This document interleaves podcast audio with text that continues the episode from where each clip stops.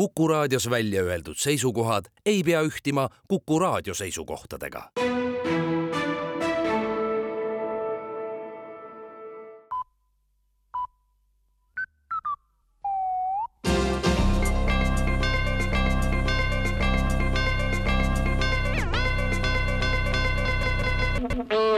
tere kuulama uudiseid stuudios Rohke Debelak.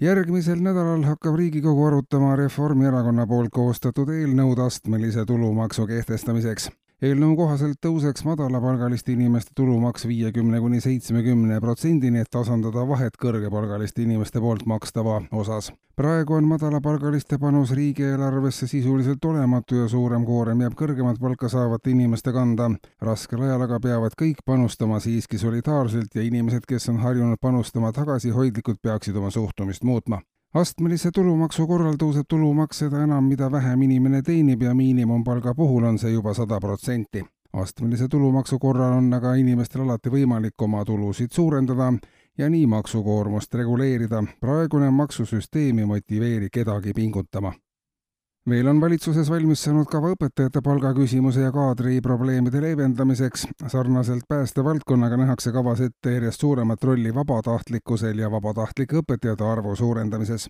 kui õpetajaid ei ole, siis asemele tulevad vabatahtlikud õpetajad, kelledele antakse pisut motiveerivat toetusraha ja ka koolitust kui kogu haridussüsteem töötab vabatahtlikkuse alusel ja vabatahtlikud on üle võtnud ka politsei ja päästeala, samuti kaitsejõud ja meditsiinisfääri, on ka riik sisuliselt valmis saanud kultuurivaldkonnas tegutsetaksegi juba ammu vabatahtlikkuse alusel, jääb veel Riigikogu ja valitsus. kui kogu riik töötab vabatahtlikult ja toimib vabatahtlikult, on võimalik riigieelarvelisi kulusid vähendada juba sisuliselt nullini.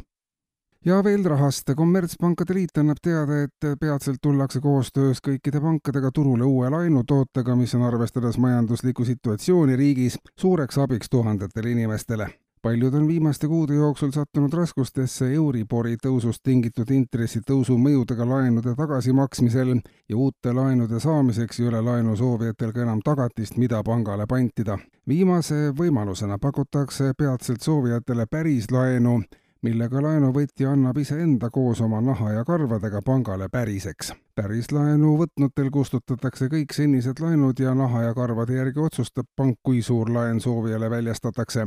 pärislaenu puhul on kindel, et inimene ei satu enam kunagi laenukeerisesse, sest tema tuleviku eest otsustab edaspidi ainult pank kommertspankade liit annab teada, et uus laenutoode koos majandussurutisega kätkeb endas teatud vajadust pärisorjuse taaskehtestamiseks Eesti Vabariigi territooriumil, et tagada majanduslikult efektiivselt toimiv riik ka järgnevatel aastakümnetel ja kommunaalteateid. valitsus annab teada, et eile toimus viimaste aastate ulatuslikum kannatuse katkestus. kannatus katkes kell üheksateist kolmteist eile õhtul ja ilma kannatuseta jäi suur osa Ida-Virumaast, Kagu-Eestist ja märkimisväärne osa Harjumaast kogu öö kestnud jõupingutuste tulemusena suudeti kannatusega varustamine hommikuks siiski taastada, nii et suurem osa inimesi ei märganudki, et tal vahepeal kannatusi ei olnud. valitsus palub edasiste võimalike kannatuse katkestuste ennetamiseks elanikkonnal kannatust varuda. kuulsite uudiseid.